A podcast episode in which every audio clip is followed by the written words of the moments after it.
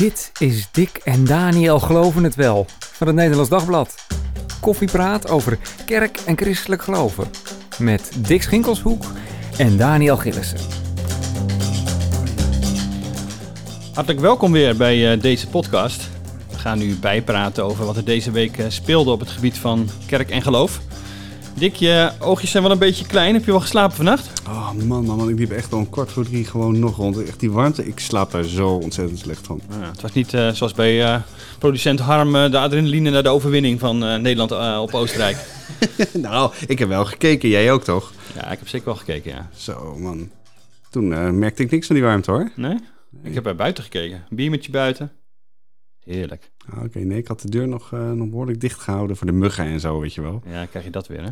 Ja, maar het was wel mooi. Vind jij trouwens, eh, mag, je, mag je daarvoor bidden? Voor, eh, Bidden voor de overwinning? voor, de, over, ja, ja, voor de overwinning van Oranje of voor een goed WK of... Ja, ben je gek? Natuurlijk niet. Oh niet? Wel bidden voor de mensen. Bidden voor Christian Eriksen of zo, die, die hartaanval krijgt op het veld. Maar ehm, voor de zieken. Maar zou je niet voor, het, voor een goed WK bidden? Nee? Nou, al- in het algemeen zou je kunnen bidden voor goed verloop van iets. Eh, of nou een WK of verkiezingen of eh, verkiezingen in Iran zijn. Dat zou kunnen. Maar een overwinning, bidden voor een overwinning, dat wordt een beetje ingewikkeld, nee, toch? Dat, nee, dat zou, ik- dat zou ik wel ontzettend plat vinden. Eh, sowieso, ja, maar ik, ik, ik, ik kan me wel heel goed voorstellen dat je bidt voor een goed WK. Omdat eh, volgens mij helpt sport bij, eh, bij eh, verbroedering. Mensen Hmm. die, die tegen elkaar Ja, spelen, die vechten niet met elkaar. Nee, want dat is, opvallend, hè, dat, dat de supporters zeg maar, van meer landen gewoon, dat je door elkaar zitten Ja. of bij elkaar zitten. Wat anders is dan bij, bij clubsupporters, die altijd uit elkaar gehouden moeten worden. Ja, ik ben, ik bedoel, ik ben absoluut opge- opgevoed met het hele idee van, van, van sportverdwazing. En er was zo'n zo'n EK of een WK of wat ook, was ook echt het toppunt. Ja. Hè, dat was de aller, Dat allerergste. Dat je daar... tegengebeden worden juist. Ja, precies. hè, dat, het, dat er maar eh, de bliksem mocht inslaan of zo. Maar eh, nee, maar ik moet eerlijk zeggen, zo kijk ik echt totaal niet meer. Ik, ik ben niet een bijzondere voetballiefhebber. Ik, eh, ik volg wel het EK en het WK. Maar ik vind dat als volken op die manier elkaar ontmoeten en, en nou ja, wat, wat, ik- wat, ik- wat ik zeg, hè, in plaats van samen tegen elkaar te vechten, tegen elkaar een potje voetbal te spelen. Ja, nou, dat vind ik wel voor, een voorsmaak van het koninkrijk. Ja. Wat wel opvallend is dan, als er dus iets met Eriksen zo is gebeurd, dat dan veel gezegd wordt, opeens een soort religieuze symboliek wordt gebruikt. Hè? En dat dan eh, de NOS-commentator inderdaad zegt allemaal bidden voor Eriksen, gewoon eh, op televisie. Ja, we zijn nergens zo religieus als op het voetbalveld, Dan lijkt het eh, wel. komt hè? het opeens wel, ja. Zo, sowieso al die kruisjes die geslagen worden, hè? die kusjes in de, Ja, naar ja. de lucht als er gescoord wordt. ja. Dat vind ik wel fascinerend. Goed, er zijn nog andere zaken te bespreken. We gaan in elk geval naar Amerika in deze podcast. ja, Want, dat is- eh, over racisme praten daar, over Texas, over de zuidelijke baptisten, wat daar gebeurde.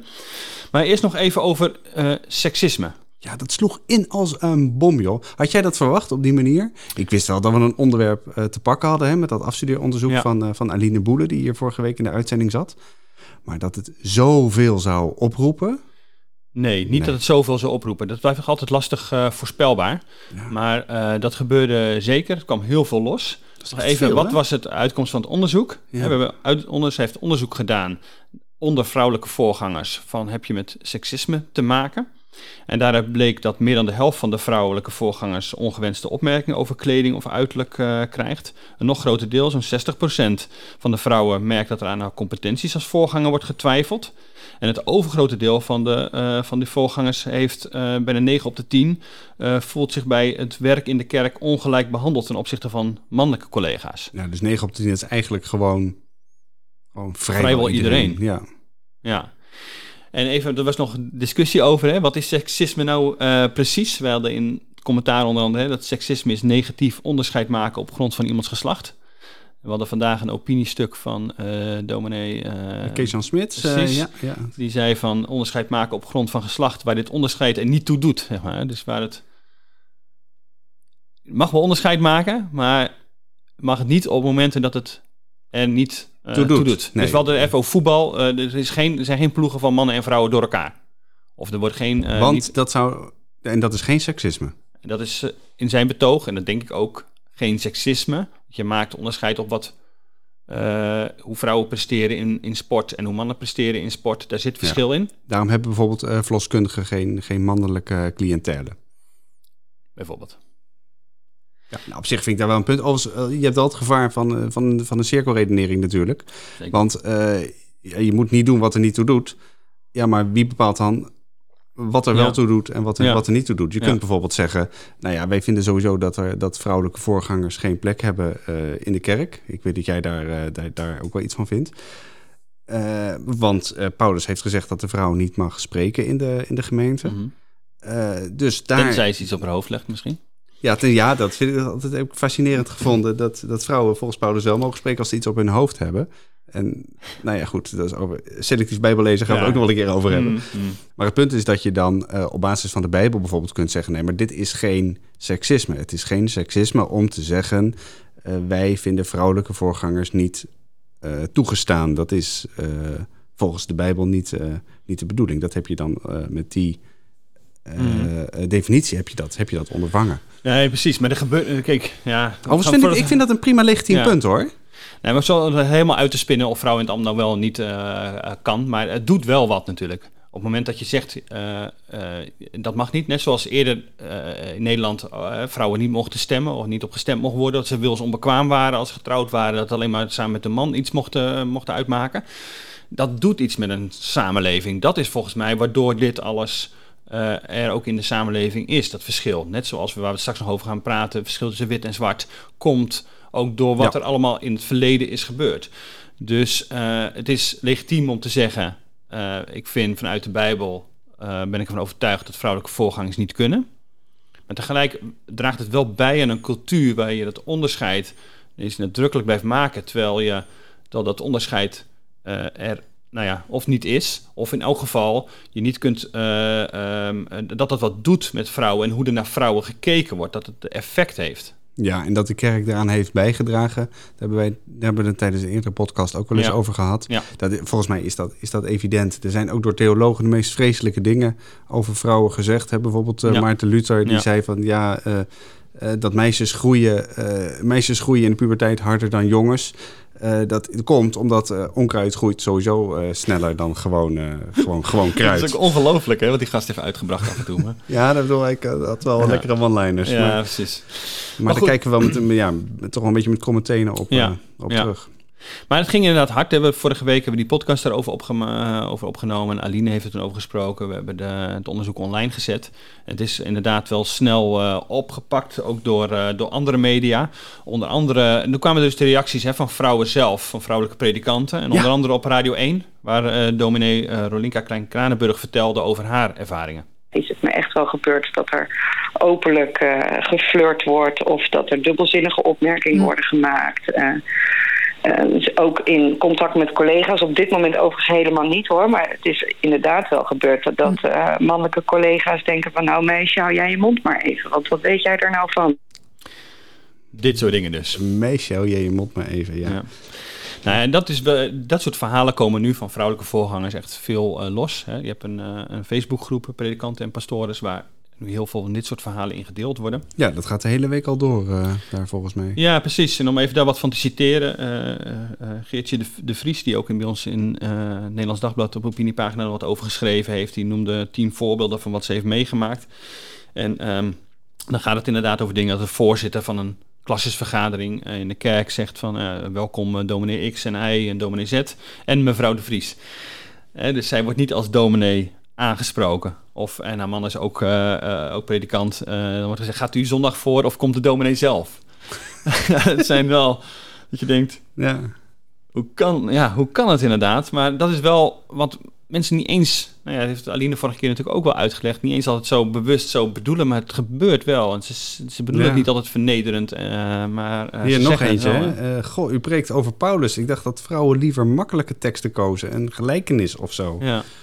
Ja, dus kwaliteit, uh, uh, twijfelen aan de competenties van iemand en inderdaad uh, denken dat het wat liever, ja, liever wat, liever simpeler en wat makkelijker, wat, ja. eenvoudiger. Ja. Ja, ik heb wel ergens, ergens het gevoel hebben natuurlijk dat seksueel misbruik in de kerk gehad, met name in deze Rooms-Katholieke kerk, maar het kwam ook allerlei andere plekken uh, los. Dat, uh, toen kreeg je ook toen de eerste berichten erover kwamen, dat wat meer systematischer waarschijnlijk uh, mis zou zijn, kwamen de verhalen los, de persoonlijke verhalen van mensen die gingen uiteindelijk toch vertellen en dachten van hé, hey, ik ben niet, inderdaad niet alleen, dit maken veel meer mensen mee. Um, en nu gebeurt dat ook. Al zeggen, ja, denk je dat dit, al dat zeggen dit wel, hetzelfde effect kan krijgen? Ik weet niet helemaal. Kijk, iedereen zegt wel, uh, de, uh, Dominic Kranenburg ook, zei van ja, ik, het verbaast me niet, hè, deze uitkomsten van 9 op de 10. Dus in die zin, en dat was bij misbruik wel, dat, daarvan, dat het zo groot was en zo grootschalig dat dat niemand gedacht. Nee, dat wist dus niemand. daar is de verbazing er wel. Dus in die zin gaat het niet op. Maar dat er wel nu het uh, ja, publiek is, zeg maar. En nu een paar mensen zich hebben uitgesproken. Nu duidelijk is dat een hele grote groep daar echt heel erg last van heeft. Uh, dat het wel makkelijker is om je verhaal te vertellen. En dat het wel een soort sneeuwbal kan zijn die wat meer gaat losmaken. Ja, want uh, we zijn daar even voor de goede orde. Hè, we zijn er ontzettend uh, nieuwsgierig naar. Naar uh, verhalen van vrouwelijke predikanten. Ehm, nou, sowieso als je actief bent in de kerk, in wat voor rol ook. En je hebt dit soort verhalen, dat willen we ontzettend graag horen. En, dat, nou ja, en als je geen zin hebt om dat aan ons te vertellen, omdat wij, omdat wij mannen zijn, maar liever aan een vrouwelijke collega. Uh, dat, daar gaan we dan voor zorgen. Maar wat is het? Mail ons dan gewoon. Dus het geloof.nd.nl. Wij zijn ja. ontzettend op zoek naar die verhalen. Niet vanuit een soort uh, sensatiezucht van... oh, oh, oh, wat is er mm. allemaal erg in de kerk. Maar omdat ja, wij vinden dit een ontzettend belangrijk thema. En we willen gewoon dat dit helder wordt. En dat ja. de omvang van dit probleem uh, ja. zichtbaar wordt. Ja, het moet wel echt verteld worden. Daar heb ik ook met Alina over gesproken gisteren. Van, het is wel echt belangrijk dat we dit thema blijven volgen. Dat we daar bovenop zitten. Dat we ook die verhalen ook wel bij herhaling vertellen. Dus niet alleen maar we hebben nu één keer, dat heb je natuurlijk in de journalistiek wel een beetje. Je hebt één keer een verhaal verteld en nou ja, dan is het wel duidelijk, zeg maar. Ja. Maar dat is bij zoiets als dit, wat toch weer ingeslepen zit, uh, is dat niet het geval. Moet je dat verhaal ook blijven vertellen, herhalen. Er komen ook nieuwe dingen los daardoor weer. En het brengt inzicht hè, bij mensen, dat ze zelf, zelfreflectie, uh, zelf denk je er ook weer even beter over na van, hey, hoe sta ik er eigenlijk in? Hoeveel praat ik uh, over vrouwen met vrouwen? Uh, en dat je daar dus uh, sterk op let. En dat kan helpen. En met name natuurlijk nu uh, in de kerk. Ja, want we kregen ook al een paar reacties van, van nou, vooral van mannen. die zeiden van ja, nou ja, moet, moet, moet je niet gewoon... je kunt ook wel ontzettend zielig gaan doen. Mag ik nog straks zeggen dat, dat vrouwen een leuk jurkje aan hebben? Of... Of kan dat niet Mhm. meer? En zijn mannen nou niet eenmaal gewoon nou ja, meer geneigd om dat soort dingen te doen? En jongens, kom op, hè? Uh, niet zo serieus nemen allemaal. Hoe kijk jij hoe kijk je naar, naar dat soort reacties? Ja, het ligt natuurlijk ook wel een beetje uh, subtiel. Als je met vrouwen daarover hebt, en dat hebben we van de week ook wel gedaan, dan, dan zeggen zij zelf ook wel dat ze het soms wat, dat wat ingewikkeld vinden. Dat ze niet altijd vinden wat, he, wat een andere vrouw ook vindt of als ervaring heeft. Of dat ze dat wat, wat, wat ze lastig uh, moeilijk vinden. Uh, ja, tegelijk. Precies. En, en dus de een houdt, houdt nou eenmaal de sneller de schouders erover op precies, dan iemand anders. kan het grapje wel handelen en de ander uh, niet. Of die ziet het wel inderdaad als een, gewoon als een compliment. dat compliment wat je maakt, dat dat goed bedoeld is. En, en aanvaardt dat ook op die manier. En de ander denkt toch even van... hé, hey, maar ja, dat zou je mee tegen, je, tegen mannelijke, mijn mannelijke collega niet zeggen. Ik zeg het ook wel eens trouwens. Dat heb je een leuke blouse aan. Wat heb, wat heb je een leuk t-shirt aan? Dat is ontzettend oranje. Ja, ik weet niet of dit al of dit nog een oranje. compliment is. Maar, ja. Nee, dan moet ik weer uitleggen. Voel ik me dat ik me, dat ik me moet verdedigen dat ik een oranje shirt aan heb vandaag. Maar, um, maar dus, ja, het ligt ook wel subtiel. Je kunt ook niet zeggen dat dit, het moet allemaal precies op deze manier. Maar dat je wel goed op moet letten, hoe komt het dus over? En wat die ander, hoe het bij die ander overkomt, dat je dat serieus neemt. Niet alleen maar zegt, ja, maar ik bedoel het goed. Ja, dat kan allemaal wel wezen. Maar als je het als heel negatief ervaart, als je te dicht bij iemand komt staan en die ander vindt dat niet fijn, dan is het duidelijk dat die ander mag bepalen wat de ruimte is. En niet jij, omdat je denkt uh, dat, het, uh, dat het wel goed, dat het prima kan. Ja, uh, omdat je het allemaal zo, zo, ja. goed, zo goed bedoelt. Het scheelt weer dat we anderhalve meter moeten houden, maar, maar goed. Even, hè? Ja. Even. Dus dat, dat, is, dat is natuurlijk zo. Maar we hebben nu in zondag ook nog zeven tips hè, om seksisme in jouw kerk tegen te gaan. Ja, ja. Welke dingen moeten we opletten? Het vervolgverhaal van, van Aline in dit onderzoek staat zaterdag in de krant in de bijlage zondag. Ja, je moet kijken, je moet onder meer, ze heeft zeven tips van hoe kun je, nou, hoe kun je dit nou echt, hier nou echt iets aan doen. Dat is, uh, zit vooral naar jezelf kijken, bijvoorbeeld onder meer omgangsregels opstellen. Uh, zo, zo saai en zo vervelend en zo is het ook gewoon. Mm -hmm. uh, Er wordt vaak gedacht van ja, maar joh, kom op. We daar moeten hier regels zo- voor nodig? Ja, Ja. hebben we daar heel- is dat niet, niet heel zwaar allemaal? Mhm. Nee, ik bedoel, zij laat zien eh, dat, dat, eh, dat dat niet zo is. Dat je in gesprek moet gaan met elkaar. En ook wat ik een ontzettend belangrijke vind, dat, je, dat het ook een soort van moed en dapperheid vraagt. Want jij Ja. bent degene die, zeker als er een geintje wordt gemaakt, zegt. Sorry, maar dit is niet leuk. Nu zeg je iets tegen mij of je zegt iets tegen iemand anders in, de, in dezelfde Mhm. ruimte. eh, wat gewoon vervelend is. En Ja. dat moet je niet meer doen. Ja. En nou, dat is, dat is lastig, want dan ben jij, dan ben jij een zeurpiet. En, eh, en die ander, die, eh, nou, die voelt zich misschien op zijn teentjes getrapt. Mhm. De leuke sfeer is weg. Ja, maar misschien is het wel even nodig. Ja, dus deze pagina kunnen de kerken uitscheuren en ophangen. Ja. Want dat wordt dan eh, het protocol. Eh of in elk geval de, de, de helpende hand om een protocol op te stellen om met elkaar erover te spreken. Want je ziet dan een aantal ja. organisaties daar het inderdaad mee dat het loskomt. Hè? Missie Nederland, die een aantal kerken en christelijke organisaties verbindt. Zegt van we gaan daar eh, handreiking voor doen om dit eh, aan te pakken. Want dit willen we serieus nemen. Een hele snelle, snelle reactie op de. Dat eh, zijn we. Ja. niet echt gewend hè, van christelijke organisaties meestal. Van kerken helemaal niet. Nee. Want dat was natuurlijk ook met, met de protestantse kerk die in eerste instantie een beetje deed van ja, goed, zoek het maar lekker een beetje op plaatselijk vlak uit en moet van het grondvlak komen en u moet het niet van ons verwachten. Eh, zaterdag was er eh synode van de protestantse kerk, dus Ja. de dag eh, van, van publicatie in, eh, in de papieren krant. En toen zei René de Reuver ook wel van dit is echt ernstig en kwalijk hè, wat hier uitkomt. Dus die gaf er toch wel wat heftige kwalificaties aan. En ik denk dat de protestantse kerk nog wel met iets gaat komen. Ja, daar lijkt het wel op, hè? Dat ze niet denken inderdaad van ja, laat het nou maar lekker gebeuren, plaatselijk maar. Nee, wij moeten ook wel landelijk onze verantwoordelijkheid nemen.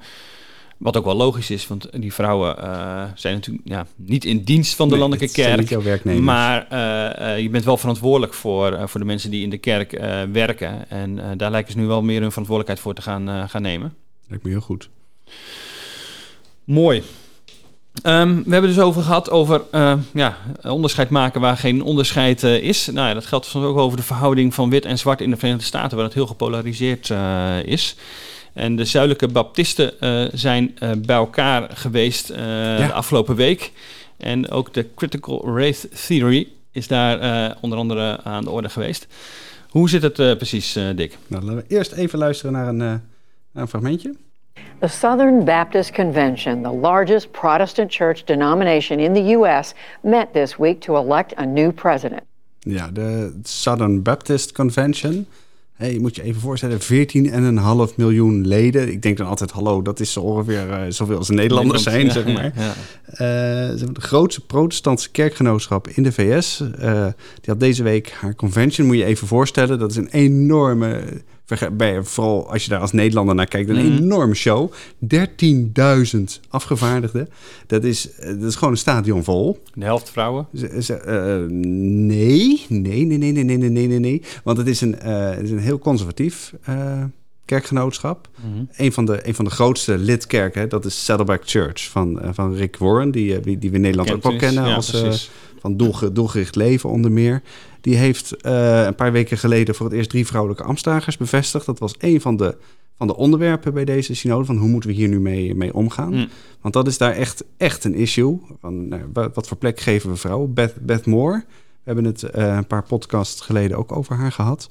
Zij was lid van deze zuidelijke baptisten en is daar uitgestapt, onder meer vanwege dat standpunt over vrouwen. Maar daar ging het nu eigenlijk niet eens zo ontzettend over deze, deze week, want er zijn problemen die, nou ja, die nog veel, groter nog veel zijn. groter zijn.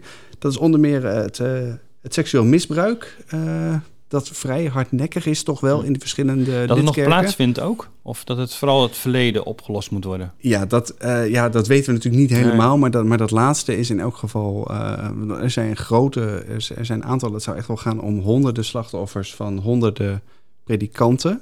En, en voorgangers en mensen die in de kerk eh, actief zijn. Hoe ga je daarmee om? Hoe Mm. krijg je de onderste steen boven? Eh, in een kerk die toch al ontzettend verdeeld is. Ja. Dat is, eh, dat is een probleem. En wat een nog veel groter probleem is, dat is het probleem van, eh, van racisme.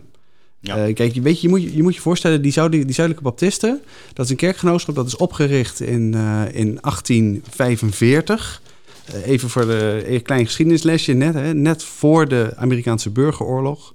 Het ging over slavernij. Eh, die kerk is opgericht door mensen die zich zorgen maakten over het toenemende verzet tegen het houden van slaven in de Amerikaanse kerk. En die zeiden, ja, maar wij vinden dat opgericht die gewoon Ja, van, van slavenhouders Ja, eigenlijk. van precies. mensen die zeiden, dat is theologisch oké. en daar moet je niet, eh, daar moet je niet mee, gaan, eh, mee gaan rommelen. Dat Ja. kan gewoon. Ja. Zeg maar, nou, dat, dat heeft ergens tot op vandaag de, de, het, eh, alle discussies in die kerk een bepaalde kleur gegeven. De kerk is hoofdzakelijk wit. Maar heeft ook wel verschillende, toch een behoorlijk aantal zwarte gemeenschappen die lid zijn van die convention. Ja. Ehm, maar dat, eh, maar dat, nee, dat, dat, dat, zeg ik, dat gaat tot, tot op vandaag door. En een van de grote punten die daar dan bij een rol speelt, is de zogenoemde critical race theory. It's important to note that critical race theory isn't a program or a training or a curriculum. It's a way of thinking about the world. Ja, de critical race eh, theory, dat, dat hoorde je net even in dit, eh, in dit fragmentje van een filmpje waarin wordt uitgelegd wat het precies is, is een wetenschappelijke theorie die zegt hoe, nou ja, hoe een deel van de wereld in elkaar zit. Mhm. Eh, dat racisme, in dit geval in de samenleving, in de, in, de, in de VS, want daar gaat het dan in de eerste plaats over, dat dat niet zozeer komt door allerlei persoonlijke en eh, psychologische factoren. Weet je wel, bijvoorbeeld, eh, die je dus vrij makkelijk kunt oplossen, misschien wel door je kinderen wat meer, wat meer aan te moedigen om met, met, eh, met zwarte buurkinderen te spelen. Maar dat dat zo diep in de samenleving zit, zeg maar, zo systemisch is, zeg maar, dat, dat, dat wetgeving en allerlei maatschappelijke structuren gewoon wit altijd op een of andere manier voortrekken boven zwart of, of, of, of mensen van kleur. Dat wordt eigenlijk in Nederland ook wel gezegd. Het Ja. systemisch racisme en dat zit daarin. En het feit van de belastingtoeslagenaffaire. Dat dat ook daarmee dat soort dingen te maken heeft. Ja, dat en is wat daar ook bedoeld wordt. En dat goede wil, ja, zeg maar, dus niet is. voldoende is, om dat, om dat Nee, op te lossen. Nee. Je moet je voorstellen dat eh, vooral binnen de Democratische Partij de overgrote meerderheid voor deze theorie is. Zeg maar, deze Mhm. theorie beschrijft hoe de werkelijkheid in elkaar zit. Er is een structureel probleem als het gaat om racisme. En dat dat bij eh, de Republikeinen gewoon lang, nou eigenlijk overwegend niet zo is. Dat wil natuurlijk niet zeggen dat mensen die deze theorie ontkennen, dat die zeggen dat, eh, dat racisme geen probleem is. Dat is, dat is te simpel gedacht. Eh, maar ze zeggen, racisme zit niet zo diep in de Amerikaanse samenleving of in de Europese samenlevingen, eh, dat daar bijvoorbeeld allerlei eh, wat is het, eh, ah, wat is het, actieve stimuleringsmaatregelen nodig zijn. Of, Ja.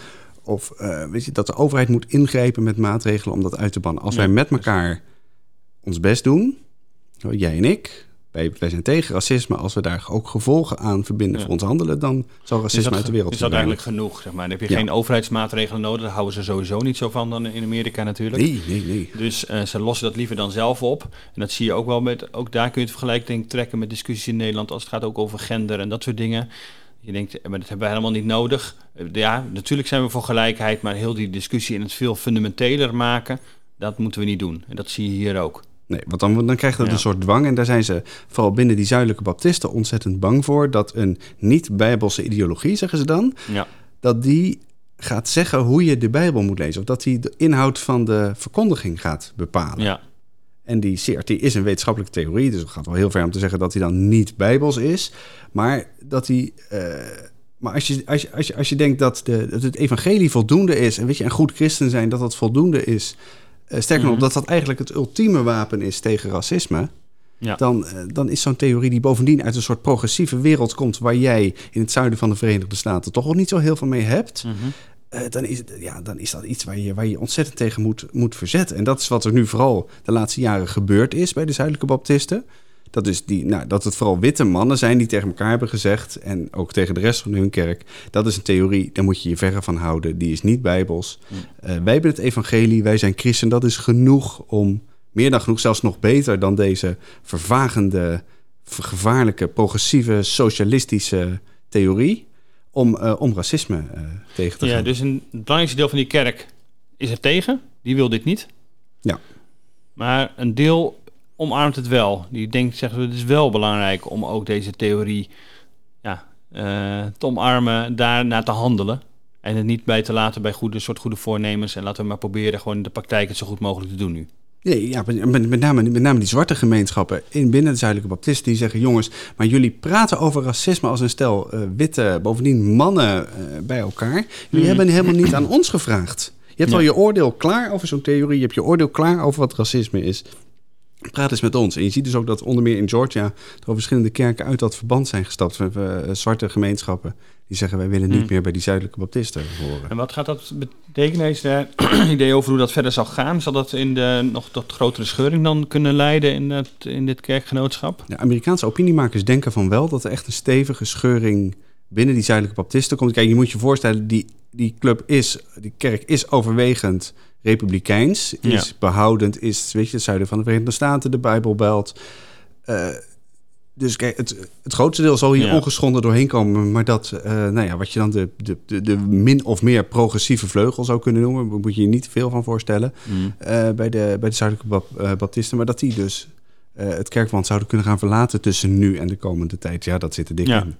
Ja, en de discussie wordt natuurlijk in Nederland ook eh, volop gevoerd over eh, slavernij en al dat soort dingen. Dus alles wat daar nu gebeurt, ook, zullen we ook weer hier vaak terugzien, hè? Ik denk dat we die hele discussie over slavernij en wit en zwart ook nog eh, veel intensiever in de, in de Nederlandse kerken zullen gaan, zullen gaan Ja. voeren. Ja, dat zit er wel in. Ja, je ziet nu ook dat de Anglikaanse kerk zich druk maakt over eigen slavernijverleden, waar dan bepaald geld vandaan komt dat in een fonds ja, zit. precies. En hoe dat dan verder moet. Van Queen Ja. Anne van ooit. Ja, dus Ja. je moet allemaal daar eh, ja, weer terugkijken. Ook in Nederland zie je dat natuurlijk gebeuren in Amsterdam. De eh, protestantse kerk die denkt van... hé, maar waar, waar komt ons geld vandaan? waar komt ons geld Eh, vandaan? onze panden vandaan. En dat je daar op een of andere manier toe moet, toe moet verhouden. Ja. Ja. En ik denk ook dat het in, in, in Nederland het hele dilemma wat je in de VS natuurlijk heel sterk ziet, ook in mindere mate speelt. Hè, dat dilemma tussen persoonlijke verantwoordelijkheid aan de ene kant. Van wij, Mhm. eh, weet je, er- oké, er is onrecht, er is armoede, er is racisme. Maar daar heb ik als individuele gelovige, hebben wij als kerk, hebben wij daar een taak. Dat gaan we doen. We gaan de armen helpen. We gaan, eh, eh, we zitten, we gaan racisme bestrijden. We gaan Mhm. tegen mensen zeggen, je moet niet racistisch zijn. Eh, we gaan, wat is het, zwart en, en, en wit elkaar laten ontmoeten. Maar maatregelen, zeker maatregelen van overheidshand, die, die, die, willen we niet. Die, eh, En daarover gesproken. Dat is een mooi bruggetje. Want in het zuiden van eh, de Verenigde Staten... ja, Texas. daar, ja. Over, eh, daarover gesproken. De, eh, die heeft vastgelegd van... wij willen nooit meer een kerkdienst verbieden. Dus in Texas, in de staat Texas... waar de gouverneur ook kerkdiensten heeft ehm, eh, ja, verboden... heeft stilgelegd vanwege de coronapandemie. Tijdens de eerste lockdown heeft hij dat? inderdaad gezegd, eh, dat, eh, dat, dat mag nu niet meer. Hè? Dat virus, dat, dat, Nee. dat, dat, dat, waarde daar eh, rond, hè? maart eh, 2020. Het lijkt ontzettend lang geleden. Eh, er is ons heel veel gebeurd. Ja. Maar eh, ja, toen dus. Toen heeft eh, de staat Texas gezegd, wij, eh, wij verbieden kerkdiensten. In ieder geval lijfelijke bijeenkomsten. Ja. Je, je doet het maar digitaal of je, je, over, of je bewijst maar dat je het veilig doet. Eh, er zijn ook voorgangers opgepakt. Nou, je moet je voorstellen, in dat superkerkelijke zuiden Mhm. van de Verenigde Staten leidde dat ontzettend veel ophef. Eh, zeker de beelden die dan vervolgens eh, rondgingen van die gearresteerde voorgangers. Die dan wel het hadden gewaagd om een zondagse bijeenkomst, eh, samenkomst te organiseren. Ja, ja. En dus hij, die gouverneur, die Greg Abbott, heeft dat al meteen binnen een maand weer, weer teruggedraaid. Oh, ja. Wat hij gedaan heeft, is kerkdiensten gewoon bij de essentiële, de essential services voegen. Van, wat is het, eh, supermarkten en zo, die wel gewoon open mochten zijn. Dus een kerk was vanaf dat moment eh, essentieel. Dus in die zin kun je het vergelijken met hoe de situatie dan in Nederland was, waar je wel kerkdiensten mocht beleggen. Ja, niet in die zin onder essentieel vielen van het is net als een supermarkt. Maar je, het werd niet verboden in Nederland om kerkdiensten te beleggen. Nee, maar de, eh, in, in Nederland, dat is dan wel weer wonderlijk. Mm. Dat de Amerikanen gaan natuurlijk praten op de, de, de First Amendment. Hè? Ja. Vrijheid is ontzettend belangrijk, vrijheid van godsdienst. Eh, maar je ziet dat een heleboel Amerikaanse staten veel verder zijn gegaan dan de Nederlandse overheid. Ja. Die eigenlijk helemaal geen kerkdiensten heeft verboden. Het is in dat overleg met, dat, met het CEO, hè, dat, Ja. die kerkenkoepel, is het st- sterk ontraden. En Ja, is tegen, en geadviseerd precies, uiteindelijk vooral. Doe het niet, Ja. doe maximaal 30, doe helemaal eh, eh, Mm. online, niet Ja. zingen. En Maar- maatschappelijke verontwaardiging, maar niet dat minister Grapperhaus zei daar de politie op afstuurde, zal ik maar even zeggen. Nee, we hebben Om, geen, eh, eh, geen gearresteerde eh, dominees in, Nee. wat is het, in Staphorst en op Urk Nee. en in, en in Krimp aan de IJssel gezien. Dus wat dat betreft waren ze in Texas en, en ook in andere delen van Amerika veel strenger. ja. Maar nu hebben ze in Texas gezegd, dat doen we dus nooit meer. Wat Nee. dus ook betekent dat je uiteindelijk ook met duizend man gewoon bij elkaar kan gaan zitten. ja, wat er ook gebeurt in de toekomst, de Ja. overheid in Texas zal Ja. niet meer verbieden dat jij als gelovige bij elkaar Ja. kunt komen. Wat grappig is, de hoofdstad van Texas is Austin, Ja. waar ik wel eens geweest ben. Daar, eh, dat is een heel progressieve stad juist. Dus de Texas zelf is heel conservatief. Maar dus waar de, waar de gouverneur zetelt, dat is... eh, Dat is een soort blauw vlekje een in het verder vlekje, rode... democratisch vlekje in, eh, in het rode Texas, ja. Maar goed, geen eh, sluiting meer. Dus daar, en dat is ook wel de vraag van wat gaat dat nou, eh, gaat er in Nederland die discussie ook nog weer verder spelen. Maar ook eigenlijk natuurlijk in, in, in eh, Duitsland, Groot-Brittannië, waar ook veel strengere regels voor kerken golden dan in Nederland. Die Nou, ik, had er dus een, ik had een stukje over geschreven voor de krant van, van vandaag, van vrijdag. En ik had vanmorgen al meteen twee reacties in mijn mailbox zitten van mensen die zeiden: van, Oh, dat zou in Nederland ook moeten. Dat zou nou stoer zijn als de Nederlandse overheid zou zeggen: Wij verbieden ook nooit meer kerkdiensten. Ja, ik denk, nou, ze dan hoef je geen zorgen te maken, want, Want de Nederlandse overheid nee, heeft dat nooit gedaan. Maar blijkbaar is dat wel dus toch het gevoel, hè? Ja. Dat dit mag niet van de overheid. En daar, eh, ja, en dat, dat zouden ze hier ook een einde aan moeten maken. ja, nou ja, ik, eh, ik vind het namelijk nogal streng. Ehm, als, je, als je jezelf als overheid oplegt, zoals dus nu in Texas gebeurd is, hè, dat, eh, dat je daar nooit meer mag ingrijpen. Dat wil dus ook zeggen dat je dat ook. ja, nou ja, ik zou, eh, ik zou denken dat, eh, dat eh, dingen als de volksgezondheid soms op sommige momenten toch wel weer voor zouden, Ja, dat je zouden geval- moeten kunnen gaan. Ja, precies. Op zijn minst een heel dringend appel moet doen op kerken om zich aan de regels te houden. Goed, we mogen in elk geval weer meer. Kerken gaan ook weer meer open in Nederland natuurlijk. meer bezoekers. Dus daar, Ja, er wordt weer hier en daar wat voorzichtig wat, wat gezongen, precies. ingetogen. Ben je alweer naar de kerk geweest als niet zijnde als voorganger? Eh, nee, ik ben Nee. nog niet naar de kerk geweest, niet zijn als voorganger. Nee, komende zondag mag ik weer twee keer zelfs. En dan mag twee keer, mag in allebei die kerkdiensten, volgens mij voor de eerste of voor de, nou ja, voor de eerste of de tweede keer, mag er weer, eh, mag er weer gezongen worden. Nou, ik vind dat zo, eh, zo ingewikkeld ingetogen zingen. Heel voorzichtig, zachtjes. Zachtjes de lofprijzing gaande houden. Ja. We gaan dat allemaal verder meemaken. Hartelijk dank voor het luisteren naar deze podcast. Als je het eh, leuk vindt om eh, ons te volgen, eh, deel het dan met vrienden, familie, maar deel het ook op sociale media. Reageer gerust naar ons als je opmerkingen of aanmerkingen hebt, vragen hebt. Geloof.nd.nl. Dan komen we daar vast in mail of misschien wel in podcast op terug. Tot volgende week. Dag.